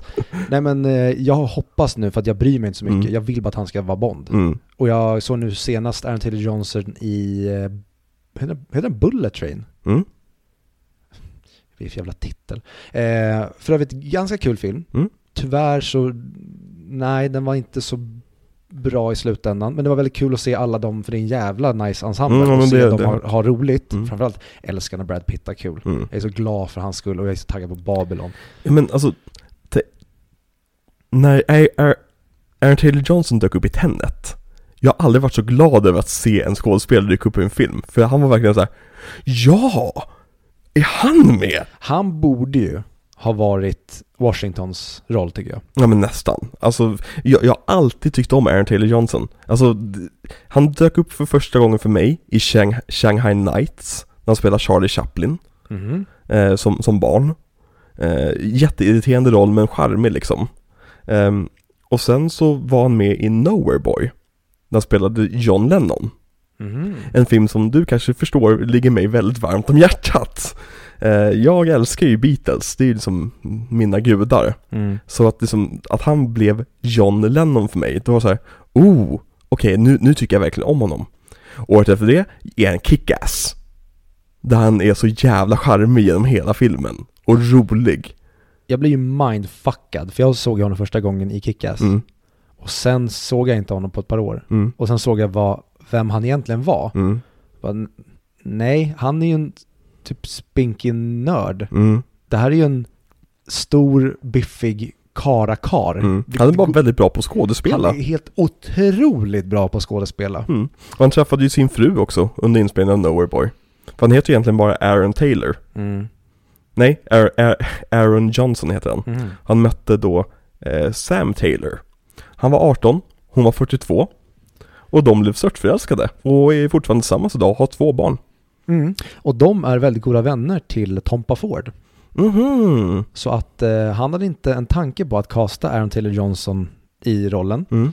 Men i och med att han eh, umgås med dem, så under en middag, Mm. då ser han glimtar Mm. tycker han av Ray Marcus i honom. Mm. Och låter honom testa och bara eh, Who the fuck are you? Och eh, jag Ja. skulle säga att det är en av de bästa besluten någonsin när det kommer till casting. Mm. Nej men alltså, han är min MVP. Min med. Ut, utan tvekan. Alltså, det är Aaron Taylor Johnson. Och sen kommer vi ner till 5 av 5 nivåerna. liksom det i filmen. Det, han, han är som jag, som jag var inne på, jag har aldrig velat skada en annan karaktär så mycket som honom. Jag, jag vill gå loss på honom med ett baseballträ. Och en pistol. Ja men också hans roll, den borde inte funka. Alltså det han gör, Han är för ond för att det ska kännas på riktigt, men det funkar. men han är, för, han är som vi pratade om när vi pratade Bond, att saker känns gjorda. Den här typen av psykopat känns förgjord och när han typ bara scratchar på fönstret eller när han står och dansar bara längs Mm. vägen. Oh, you're on dance! Det känns, men det känns som att han improviserar ihop det här. Ja, men det, så här, det här i sig är så jävla lökigt. Mm. Men den här snubben, han är bara bäst på att få det att funka. Och så är det med hans karaktär genom hela jävla filmen. Ja. Tänk om de hade bara missat lite grann. Man hade kunnat få någon annan som säkert kunde göra det kanske inte lika bra, men typ. Mm. Men tänk om de skulle misslyckas lite, bara skjutit lite snett. Då skulle hela filmen kunna falla på den här karaktären. Mm. Alltså, jag har ju gått igenom vad jag ty- alltså hur min kärlek för Aaron Taylor Johnson bara växte och växte och växte Mm. med de projekt han tog. Vad tror du att jag tyckte om att han blev castad som min favoritsuperhjälte i Avengers Age of Ultron, Quicksilver? Alltså det var ju som en dröm come true. Först och främst, vi kommer få Scarlet Witch och Quicksilver i nästa Avengers-film Tillsammans med Vision så här, Mina typ tre favorithjältar samtidigt Och en av dem kommer spelas av Aaron Taylor fucking Johnson Och synd bara att de inte gjorde någonting med den karaktären Han dör ju Ja. Eh, Jag bara hoppas att han kan komma tillbaka som Quicksilver. För, eh, I ett litet projekt kanske. Jag vet inte. Det skulle vilja se det utvecklas. Ja, lite oklart att han eh, gör Craven då. Ja men det är inte Marvel. Det är Sony. Jo, men det är ändå liksom Spidermans skurk. Jo, jag det här är det stora problemet Sony har. Att de måste göra filmer om Spidermans skurkar. Att- Ja Ja. Har du sett att Donald Glover kommer få spela en egen skurk också? Som såhär disco-skurk ja, men var inte det snack om att han eventuellt skulle få regissera det Ja, också? men precis exakt. Så det gör mig mer taggad på det, för att det verkar som att de sa Öppna upp vår katalog Välj vilken karaktär du vill som inte är A-list, så får du göra filmen Mm, och det jag sett honom regissera i Atlanta. mm. Får, han, får han ha kul med den här karaktären, Mm. då kan det bli jävligt kul. Mm. Nej men jag, jag tror alltid på Donald Glover Det är, ha- hans hjärna litar jag på Så, En Ja. jävla allkonstnär. mm. också renässansman Mhm. Och community Fast vi kan inte nämna community i det här avsnittet, det blir, det blir för många klyschor för oss Ehm, Men vad tycker du om Aaron Taylor Johnson i den här filmen? Va, va, var det hans Oscarsnominering? Ja, Sjukt att han vann ju en, en Golden Globe. mm, Och han är tydligen typ, jag tror det var något, någon till mm. som har vunnit en Golden Globe. Och men inte blivit, blivit nominerad för någon annan stor, stort pris. ja Det är sinnessjukt Det är jävligt, och det är lite som, jag tycker, eh, Nightcrawler. mm, Att, här, varför inte då? mm. Vad, är det ni, varför skiter ni i det här? Så här, Aaron Taylor Johnson är lite grann hatad i Mhm. Hollywood. Eller, eller bland så här, om man ska säga Människor-Twitter. film-Twitter. Ända fram till Tenet var det verkligen så här, oh, Aaron Taylor Johnson kan inte han bara försvinna? Fucking rich white boy, liksom. Men sen så har han nu, i och med Tenet har han reclaimats lite grann. Så jag tror att det kan vara så att nästa grej, intressanta grej han gör kommer han nog få en nominering för. Men den här filmen kom precis när det var i den djupaste svackan av att folk inte tyckte om honom. För någon jävla anledning. Jag tycker om henne väldigt mycket, vad heter hon? Jenna Malone va? Exakt. Mm. Ja, här kommer filmens sämsta scen. När hon kollar på babymonitorn. Och så får vi en fucking jump scare från ingenstans. Och jag, jag blir provocerad. Jag blir jätteprovocerad för helt plötsligt så ser den finkänsligheten jag tycker Tom Ford har haft i alla andra scener bara flyger ut genom fönstret på något sätt. Jag, jag, jag kan förstå vad du menar, men jag tycker väldigt mycket om att det är en jump scare som skrämmer skiten ur den. För jag håller med, jag blir så här, vad fan, ge, ge fan i det där! Mm. Men ge oss, byt inte vinkel på skärmen då. Gör inte så att skärmens bild tar upp hela vår skärm. För hon står och kollar på en video på en, på en mobilkamera. Gör så att jumpscaren händer på den skärmen snarare. Då hade jag tyckt om den mer. Men nu går den till, till fullbild helt plötsligt, i hans jumpscare bara. Och sen tillbaka till lilla bilden i, i med, eh, mobilen. Och det tycker jag, det, det, det är ett klumpigt drag från honom, i mina Mm. ögon. Eh, någon mer skådespelare du vill prata om i den här filmen? Michael Sheen, alltid briljant. Ja, och Andrea Riseborough också. Andrew Riseborough, precis. De två som det där paret. Och Mm. jag tycker väl, för att jag, jag tycker dialogen i inledningen i filmen, speciellt när de står och pratar där, Mm. den är väldigt styltig. Mm, Och jag störde mig på det första gången jag för mig. Tills jag nu förstår att det är med flit. ja. Det är för att liksom bara tala om vad, vad det här är för jävla värld. Mm, Men jag tror att många kan, och det är så jävla bals av honom att göra det så pass tidigt in i filmen. Att, vad, vad hände med dialogen som du var så jävla duktig på i Single Man? Har du tappat bort den helt och hållet här? Och samma sak när hon pratar med Hutton innan Mm. han ska åka iväg. Och sen hoppar vi in i boken. Och dialogen är liksom sömlös. Bara, Mm. ah, okej, ah, okej, det var det du gjorde. Du ville visa den här styltiga, kalla, pissiga världen där folk inte pratar som riktiga människor. mm. Då förstår jag. Det här är lite grann det Ruben Östlund vill göra med The Square. Ja. Mm. Ja. Om vi skulle se Velvet Buzzsaw, då har vi pratat om tre filmer som kritiserar konstvärlden på väldigt olika sätt. Mm. Men eh, musiken i den här filmen, Viktor? Vad tycker du om musiken i den här filmen? Helt jävla fucking amazing. Det här, spåren i de här är några av mina favoritspår ever tror jag. För Ja. Det känns också som klassiska stycken som, Allt har funnits. ja. De bara fanns uppe i luften, så han plockade ner dem Mm. till oss. Ja, från det gudarna. Och introt, jag tänker bara, jag vill se Tom Ford göra Bond. För jag får verkligen Bond-feeling av scoret. Det känns som Mm. att, så här, men kunde inte Billie Eilish bara snott det här? Så hade vi fått en mer intressant Bond-låt. Ja. Ja, nej alltså, det, sagt, det är samma kompositör som första filmen. Mm. Och det är som, det, oj. Och liksom, det samarbetet är verkligen ett guldsamarbete. Mm. De borde hålla kvar vid det. För det är sällan man har en så pass tydlig koppling mellan en regissörs visuella språk och det audiovisuella språket. Mm. Som bara gifter sig så jäkla sömlöst. För att i många scener tänker man inte ens på att det är musik. Och det är den bästa typen av filmmusik egentligen. Den ska Mm. bara ge dig känslan hela tiden. Och jag älskar den, bara sitter naken på toaletten utomhus. Och snackar i en, en gammal lur, röker och bara är allmänt grisig. Ja, jag älskar honom. Mm. Han, han är så fruktansvärt bra i den här filmen, Aaron Taylor Johnson. Ja. Ja. Har du några scener eller, eller några nå ämnen i den här filmen som du känner att vi, vi ska gå in lite djupare på? Mm, ja, ehm, alltså jag tycker om så mycket att den här filmen går att se om. Och varje gång du ser om den så kommer du typ förstå lite mer av hur saker står till. För att Mm. första gången förstod jag inte alls på det sättet vad boken representerar. Men det blir bara tydligare och tydligare för varje gång jag ser den till exempel.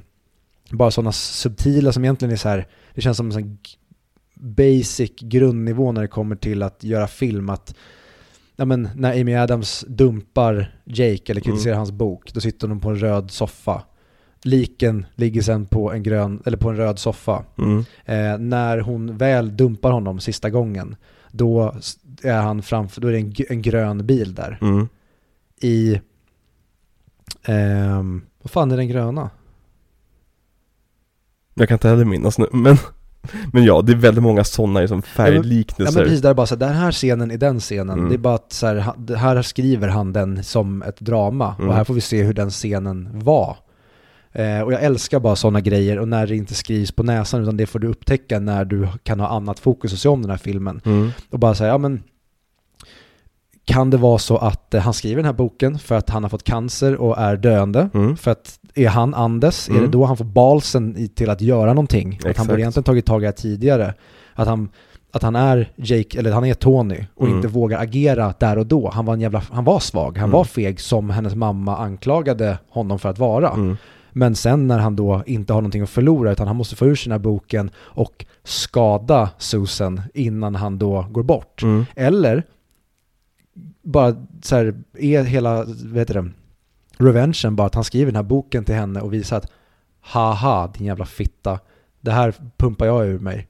Och sen bara liksom dyker han inte upp. Mm. Så, så jävla småsint, så jävla mycket har det här grott i honom. Mm. Och nu bara, det, det, är- det är en sån perfekt revenge story det här. Mm. Att vi inte får se någon som fysiskt tar ut sin hämnd på någon utan här har du en bok Mm. och den kommer förstöra dig mentalt.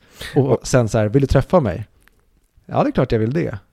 Nej, det kommer jag inte. Jag dyker inte upp. Jag tycker det är så kul, de, de är såna jävla boomers också. Eh, eller Gen X ska jag säga, sitter och mejlar med varandra. Mm. Istället för att skicka sms. Vilket gör så att hon inte heller kan ta kontakt med honom när han inte dyker upp. Mm. Hon måste bara sitta och vänta tills hon ger upp. Eh, lite konstigt att hon inte ger upp tidigare, men hon kanske väldigt, väldigt Det är också kul att hon sätter på sig den mest utmanande kläd, klänningen hon har. Liksom, ja. Ja, och jag vet att jag för mig att det är någon grön, men där har hon ju grön klänning, grön bil. Mm. Det är för mig att det är en liksom, grön grej till som i bokdelen Mm. som verkligen säger, jaha, det var här han krossades. Men också bara scenen när eh, hon gör aborten och han Mm. står ute i regnet. Mm. Och bara, oh shit. Ja. Och hur liksom, ja, hur, hur bara dottern och mamman representerar liksom det som förlorades. Mm. Ja. Nej. Och även så här, ja men... Och Aaron Taylor Johnson är liksom, så här ser jag dig. Mm. Det här, så här mycket hatar jag dig. För så här gjorde du mot mig. Mm. Du våldtog och dödade min fru och mitt barn. Mm. Ja. Det, det är en sån jävla komplicerad film. Det är lite svårt att prata om den. Mm. För att allting är så, i sig är det rätt meningslöst att prata om så här, oh, men åh, scenen när han, de förhör honom i bilen. Mm. Så här, ja, den scenen i sig är inte så mycket, förutom välskådespelad och välregisserad liksom. Men tillsammans med allt annat betyder den så mycket. Och det är samma sak liksom när de får in han, eh, inte Turk, vad heter han, andra killen som blir gripen? Lou. Lou. Are Jättebra. you now Lou? Vad sa du? Han säger det. Are you now Lou? Just det. Hur- alltså, Anders, hur intimidating han är när han står lutad över honom Ja. och håller ena handen på pistolen. Ja. Michael Shannon är ju så jävla bra. Mm. Ja, nej men alltså det, så, den här filmen är verkligen ett typexempel på att summan är större än delarna. Mm. på så många sätt. Eh, och den är den är otroligt vackert fotad. Eh, alltså, Mm. och välregisserad. Alltså, han, han regisserar sina filmer som att han aldrig har gjort någonting annat. Han är en mästerregissör. Han är verkligen det. Ja, och det, det, jag, jag hatar honom lite för det.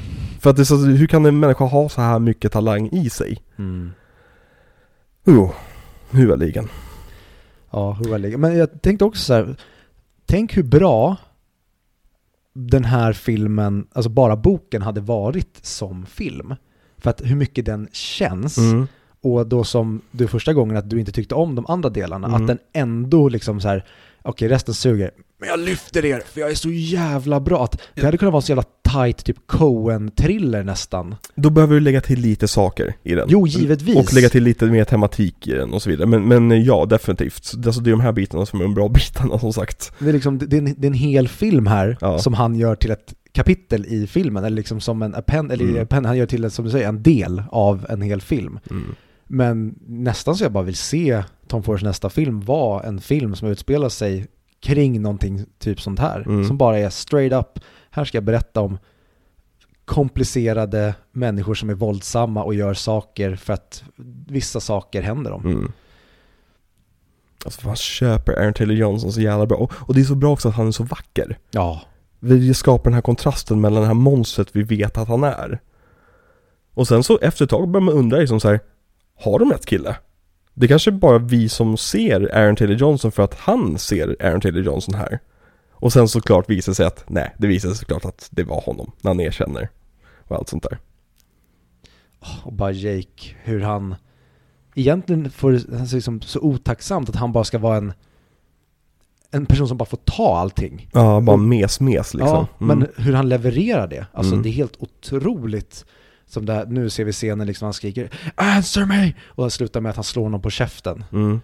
Och jo, också till så här, men hur, för just slutet av den här filmen är ju, har ju många diskuterat så här, men vad händer i slutet? Och Mm. då är den ena den här så här, ja men han kanske är sjuk och döende, Mm. han kanske bara hämnas och skiter i henne, Mm. eller tar han livet av sig? För att i slutet så dör ju Tony, Mm. att liksom han råkar skjuta sig själv. Och att han kunde få ur sig det här och döda Susan med sin bok. Men det var hans sista grej, sen skjuter han sig själv eller någonting för att han är så pass förstörd. Det finns Mm. olika alternativ och jag gillar att man kan välja för att den talar inte om något av det för oss. Jag skulle säga att det mest intressanta är bara att han dissar henne.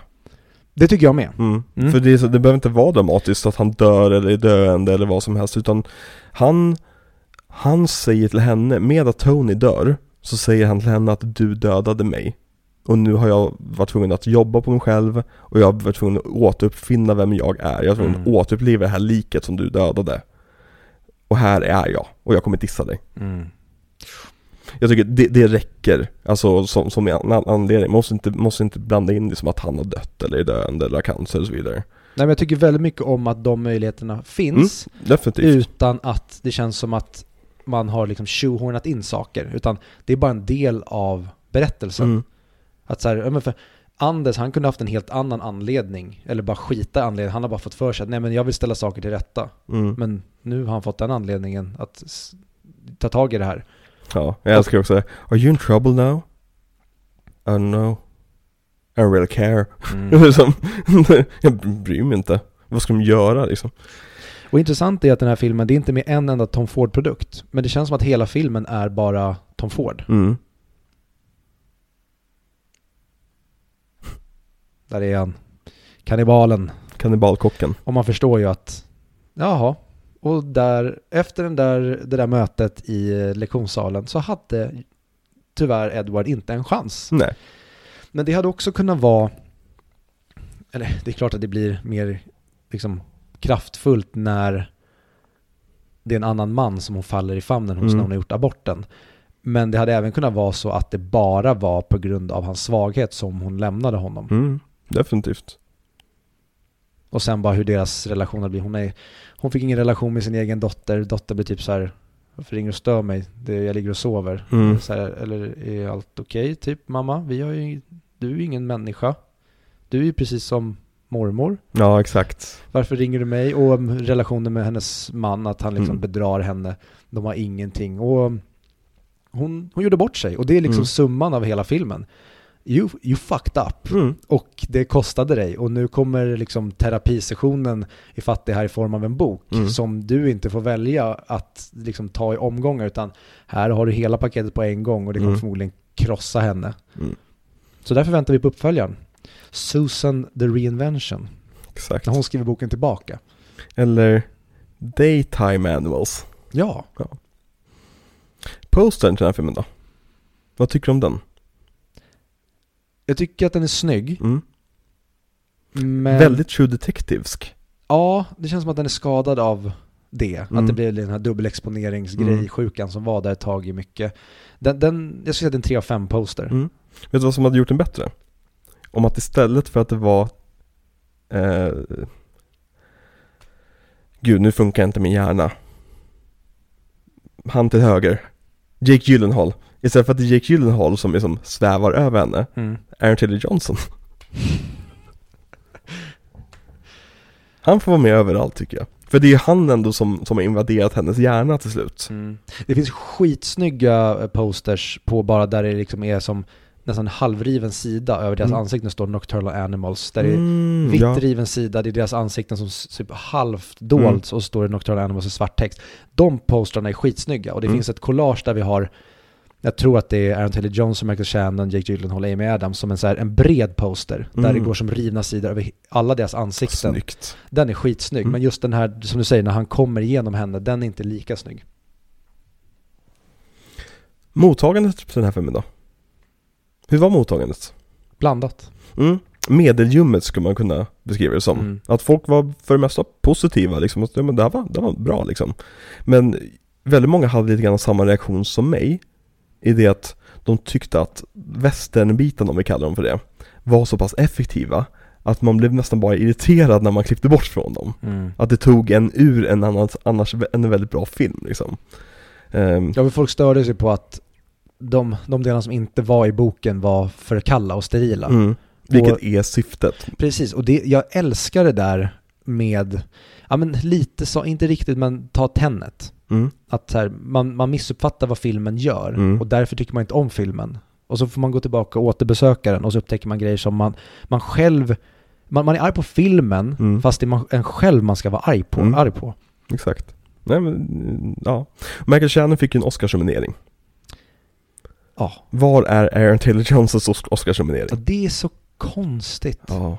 Jag tycker ju Jake Gyllenhaal ska ha en. Jag, ja. Alltså jag tycker han är helt jävla fantastisk i den här rollen. Ja. Nej men verkligen, det här... eh, Skå... Ja, Och han spelar ju ut också. Ja. Vad, mer, vad vill de ha? Nej, det är också, Jake Gyllenhaal också så här person som, jag vet inte, har Oscarsjuryn svårt för honom eller? Kanske. Han För kanske... Han blir alltid snabbad känns som, när han gör sina intressanta roller. Mm. Det var nominerad för Prisoners, det var väl? Nej, Nej. tror jag inte. Nej.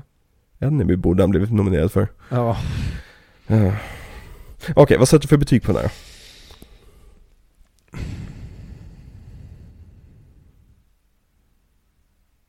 Nio av tio, fyra och en halv av fem. Mm. Jag tycker jätte, jättemycket om den här. Mm. Eh, den sjönk som sagt, den var uppe på en tia, den sjönk till en åtta.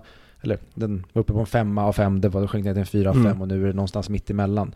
Jag kommer älska att återbesöka den här filmen. Mm. Just för att den, den är så snygg, den har så jävla bra musik och jag vill bara fortsätta här, kolla i det psykologiska i Mm. den här. För jag Ja, tycker den är precis. så intressant. Vad kan man upptäcka mer liksom? Mm. Mm. Nej, men jag, jag, jag sätter 4 av 5 på den här. Och det är en höjning från mitt förra betyg på den. Och med en bra mycket varmare 4 av 5. Liksom att jag sitter inte och blir irriterad längre utan jag förstår irritationen. Mm. Och det är en, med, det är en del av den. Ehm, det finns saker jag skulle vilja ändra med den här filmen såklart. Eh, och det finns en viss skådespelerska jag skulle vilja plocka bort från den här filmen och lägga till kanske en annan skådespelerska. Eh, men utöver det så tyckte jag jättemycket om den här filmen. Och eh, det, det, återigen så visar Tom Ford att han är en mästare. Mm. Jag tycker väldigt mycket om vad han gör med det här att sitta och läsa någonting och det får en att tänka tillbaka på saker. Mm. För att det, nu är det så här, nu är det en bok till henne. Men jag kan, jag älskar verkligen när man sitter och läser någonting och så händer någonting. Och så kan man relatera till det. Och då tänker Mm. man tillbaka, det blir som att böckerna öppnar som en tidskapsel tillbaka i sitt eget liv. Så här, gud vad det här påminner om det där. Och då kanske man kommer på ett minne som säger, det fan det har jag inte tänkt på sen jag gick i högstadiet det där. Eller det har jag inte tänkt på på tio år. Mm. Och jag tycker verkligen om det med läsande. Mm. Det tycker jag Tom Ford får till så jävla snyggt. där. Mm. Ja men verkligen, det är svårt att göra en, en film om någon sitter och läser. Ja men det är typ det största magitricket. Ja, det är dels att vi, vi får se en, en bok, en bok som är skitintressant, Mm. för det borde inte funka. Men också det här, någon som sitter och läser en bok. Och det blir också intressant. Och jag gillar verkligen att den här filmen, den mår bra av att ses om. Mm. Snarare än en film som funkar en gång och sen när du ser om den så faller den. Mm. Och um, Tom Ford. Mm. Jag tar av byxorna, snubbe. böjer mig över, gör vad du vill. Ja, okej. Min MVP och min LVP har väl aldrig varit mer självklar? Nej. Nej. Vilka är dina? Ehm, ja men alltså jag har ingen LVP, men det måste typ bli Amy Adams. Mm. Men det är för att jag tycker att alla andra spelar verkligen superhögt och det, Mm. det är typ otaxa, det är nästan taskigt mot henne tycker jag för att hon gör det hon ska, hon gör det väldigt bra. Mm. Men de andra är bara mycket, mycket bättre. Mm. Och MVP, ja Aaron Taylor Johnson, men tycker egentligen att Michael Shannon och Jake Gyllenhaal är precis lika bra. Alltså de verkligen spelar sin, alltså den här trion och bara hänga med dem är helt fantastiskt. Mm. Ja. Mm. Om vi ska sammanfatta den här miniserien då. Den här mini-miniserien. Vad vill du se Tom Ford göra härnäst? Vad fan som helst. Ja, det han väljer att han vill göra, det kommer jag kolla på. Mm. Eh, dock skulle jag vilja, med, med tanke på hur obehagliga vissa bitar i den här filmen är, skulle jag vilja se honom göra skräckfilm. För att citera mig själv från typ varje miniserie vi har gjort. Mm. Men det, jag tycker skräckfilm är ett bra leveransmedel för att se vad folk kan göra med en box. Jag har sett vad han kan göra utanför boxen. Jag vill se vad han gör med boxen. Mm. Ja, men jag skulle vilja se honom göra, men jag skulle inte vilja se honom göra skräckfilm, jag skulle vilja se honom göra En thriller kanske. Exakt, en thriller som blir väldigt obehaglig. För jag gillar inte när man just ska göra det här är en skräckfilm. Jag tycker om när filmer är, det är typ ett drama eller en thriller som är så pass obehaglig att jag är skrämd av det. Mm. De skräckfilmerna tycker jag mest om. Om, man, om man aggregerar alla filmernas betyg så har ju Tom Ford det högsta betyget av alla våra regissörer. Ja. Mm. Mm. Och då, För han har inte hunnit göra sina stinkers än. nej, och då kanske man liksom så här, ja men som Vissa saker kan inte räknas in på en topplista för året än för det har inte kommit tillräckligt många röster. Nej. Så är det lite med hans regis, regiskap. Egentligen, men jag tycker att han har visat hittills vilken sinne, och det hade typ räckt med A Single Man. För Mm. det känns som, eller hade han inte haft sitt track record innan med Mm. modet, då hade man typ velat vänta på så här, ja, vi väntar lite med Mm. betyg. Men i och med att allt han har rört vid blir guld, Mm. så är det nästan som att, men kan inte du göra lite, gör musik? Mm. Ja, precis, testa dig fram, Ja. måla tavlor kanske. Visa på vad fan som helst, du är ju bäst bara. Ja. Mm. Och eh, ja, nu är det synd att, hans, att Tom Ford är så jävla dyrt. Mm. Men eh, jag älskar ju liksom hans kläder. Det Mm. enda jag egentligen har som är Tom Ford det är glasögon. Mina två Mm. senaste glasögon har varit Tom Ford. Och um, vill börja samla på mig saker. Jag hoppades, han släppte en eh, klockkollektion för några år sedan. Inte så snygga tyvärr. Inte i alla fall min eh, typ av klockor. Jag hade Nej. hoppats på att de var snyggare för då hade jag gärna velat spara till att köpa en Mm. Tom Ford-klocka. Topplista då? Um, A Single Man är ju hans bästa film. Ja, jag håller med. Vi har samma topplista, tråkigt nog. Men det fanns två alternativ. Antingen hade vi eller så hade vi inte den här Ja. gången. Eh, och jag tror vi båda är överens om att Single Man är den bättre filmen. ja. Den är ju också... Det är en mindre film. Mm. Den um, är tajtare, Mm. tydligare. Mm, precis. Mer kontrollerad. Mm. Då så, då var då vår miniserie om Tom Ford färdig. Ja, den, den förlängda mellanakten. Exakt. Eller den förkrympta miniserien. Mm. Vad ska vi prata om nästa vecka? Då ska vi in i renässansen. Vi ska prata om jamaicanska stereotyper. Mm? Vi ska prata om ehm, Min hjärna inte funkar just nu. Barbröstade män med skägg. Med stora bröstvårtor. Väldigt stora bröstvårtor. Jättestora bröstvårtor. Vi ska prata om Lilla Sjöjungfrun, för, vi- för vi ska göra Disney Renaissance i den här podcasten. Jajamän. Så jävla roligt! Mm. Filmerna som egentligen, vad ska man säga, startade vårt filmintresse, måste det vara. Det måste vara så. Ja, alltså det finns inget annat som vi såg tidigare. Vi såg, det här såg vi innan vi visste att vi såg någonting. Ja, ja men det här är ett sånt djupt ingrott del av vår DNA. Mm. Att det, det, man kan inte förneka det. Och det är då Lilla Sjöjungfrun, ända fram till Tarzan. Mm. Och alla de filmerna, var finns de att se? Kommer aldrig att tro det. Mm. Det finns på Max. På Max. Nej, det finns såklart att se på Disney+. Plus. Mm, exakt, Disney Plus, allihopa. Ja, skönt då med miniserier där så här. Prenumerera på Disney Plus så har ni hela miniserien där. Vi behöver inte komplicera det mer än så. Exakt, exakt. Nej, jag är så jävla taggad. Mm, ja, men det ska bli så jävla skönt. För nu har det varit, framförallt med James Cameron och Bond och det här, det, det är saker som siktar väldigt högt och det blir väldigt allvarligt. Nu Mm. kommer det bli mer lättsamt, även fast det är fantastiska grejer, kan man säga redan nu, så är det mycket, mycket, mycket mer lättsamt. Ja, och det är som, det är kortare filmer, så det, kräver ju inte lika mycket tid heller att, att göra de här avsnitten och Mm. vi förbereder för avsnitten och vi kom, sagt, vi har planerat lite grann att det ska vara så för att vi har lite grann mastodont-miniserier som kommer sen i år. Mhm. Så det här är lite grann av en en andningspaus där vi bara ska liksom sitta och ha kul tillsammans Ja. och tänk, prata nostalgi och tänka, kanske sjunga lite grann och ja. Och de filmerna som är med då i den här miniserien kan vi räkna upp, det är då Little Mermaid Det är The, Resc- Res- The Rescuers Down Under, eller Bernard och Bianca i Australien. Det är Beauty and the Beast. Det är Aladdin. Det är Lejonkungen. Det är Pocahontas. Det är Ringen i Notre Dame Det är Hercules. Det är Mulan och Tarzan. Mm. Inte sett någon. Inte sett någon av dem, nej, nej, Nej. nej. Ehm, Och vi kommer se dem på, jag kommer i alla fall se dem på engelska Men jag vet att väldigt många där ute har en väldigt speciell relation med just Disney-filmerna Ehm, Men jag tror svenska spåren också finns på Disney Plus ifall ni vill se med det Det kommer jag göra. Du kommer se dem på svenska? Ja. Så du kommer inte kunna prata med mig om hur eh, Nu kommer jag inte på en enda röstskådespelare Hur Danny, Danny DeVito är grym som Fille Nej, jag kommer prata om hur Peter Harrison är grym som Fille. Ja gud, det kommer bli väldigt förvirrande avsnitt Mm.